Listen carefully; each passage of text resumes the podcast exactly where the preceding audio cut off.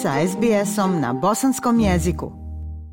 Aisha, pozdrav tebi i slušateljima SBS radija. Naravno i građani Bosne i Hercegovine sa velikom pažnjom prate sva dašavanja u Turskoj i Siriji nakon katastrofalnog zemljotresa. Ono što je bitno reći da građani Bosne i Hercegovine i mnoge službe nisu ostali imuni na tragediju koja je pogodila Tursku i Siriju. U rekordnom roku posredstvom organizacije Pomoziba prikupili su više stotina hiljada maraka, a i islamska zajednica Bosne i Hercegovine pokrenula je humanitarnu akciju islamske zajednice narodu Turske i Sirije od Bošnjaka sa ljubavlju. Ovim zemljama biće potrebna svaka marka kako bi sanirali ogromne štete i pomogli mnogim porodicama. Ali nije samo novac bitan. Islamska zajednica Bosne i Hercegovine je i bosansko-hercegovačkim spasiocima ponudila pomoć u organiziranju akcije pružanja pomoći stradalima u zemljotresima i to financiranjem troška troškova transporta do područja pogođenih razornim zemljotresima. Timovi Gorske službe spašavanja Federacije Bosne i Hercegovine, zatim Federalne uprave civilne zaštite i uprave civilne zaštite Republike Srpske za spasavanje iz ruševina odmah su se organizovali i poslali ljude u pogođena područja ove dvije zemlje. Za sada je iz Bosne i Hercegovine otišlo ukupno 130 spasilaca. Predsjedništvo Bosne i Hercegovine Hercegovine je na svojoj vanrednoj sjednici 8. februara usvojilo zaključak o upućivanju i pripadnika oružanih snaga Bosne i Hercegovine u Republiku Tursku radi pružanja pomoći u otklanjanju posljedica zemljotresa. Iz predsjedništva je rečeno da su usvojili zaključak kojim se daje saglasnost Ministarstvu odbrane Bosne i Hercegovine da uputi deklarirani medicinski tim oružanih snaga Bosne i Hercegovine u Republiku Tursku. Također Vijeće ministara Bosne i Hercegovine na vanrednoj telefonskoj sjednici istoga dana, dakle 8. februara, donijelo je odluku o odobravanju milion konvertibilnih maraka iz tekućeg budžeta za pomoć Republici Turskoj u saniranju šteta nastalih uslijed usred razornog zemljotresa. Građani su se odazvali na brojne akcije prikupljanja e, pomoći. Bosansko-hercegovačka udruženja prikupljaju i šalju razne potrebštine koje je prije svega Turska navela kao prioritet. Građani u e, mnogim gradovima, dakle širom Bosne i Hercegovine, pokazali su i evo svaki dan iskazuju svoju humanu stranu, donose, skupljaju vreće za spavanje, dek neke toplu odjeću, obuću i kažem sve potrebštine koje su neophodne. I Sarajlije svaki dan dolaze udruženje pomozi.ba i donose sve ono što je neophodno i evo poslušajte šta su neki od građana koji sam zatekla ispred e, udruženja pomozi.ba rekli.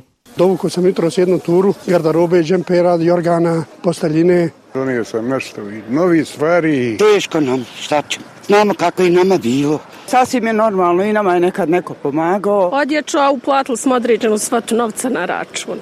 Pa evo u nastavku nekih od ostalih aktuelnosti. Naime, Vijeće ministara Bosne i Hercegovine je zasjedalo 10. februara i obavilo je prva imenovanja kadrova u policijske agencije. Ministar sigurnosti Bosne i Hercegovine Nenad Nešić istakao je da su sva imenovanja izvršena u skladu sa procedurama iz ranijeg saziva Vijeća ministara.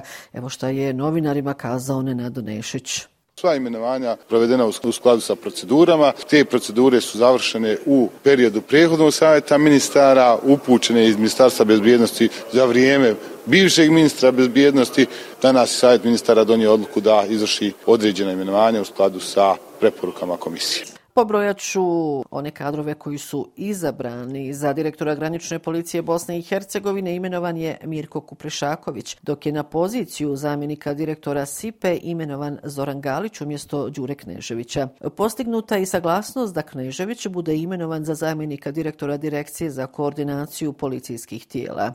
Drugi zamjenik biće Goran Amidžić. Za direktora službe za poslove sa strancima imenovan je Žarko Laketa. Na ovoj sjednici vijeća ministara nije imenovan nasljednik Mirsada Vilića na poziciji direktora Direkcije koordinacije policijskih tijela. Prema konkursu iz prošle godine za Vilićevog nasljednika predloženi su Mirsad Đalilović i Ensad Korman. Oni su bili prijedlozi stranke demokratske akcije i na sjednici vijeća ministara o njima se nije ni raspravljalo. To znači da su bošnjački kadrovi na čekanju i ići će se u poništenje konkursa. Isto važi za pomoćnika direktora granične policije. Nakon ove sjednice, ministar vanjskih poslova Bosne i Hercegovine eh, Elmedin Konaković kazao je da tačka koja se odnosi na razrešenje direktora obavještajno-sigurnosne agencije nije se našla na dnevnom redu ove sjednice i za sada je imenovanje čelnika ove agencije na čekanju. Moglo bi se naći na narednoj sjednici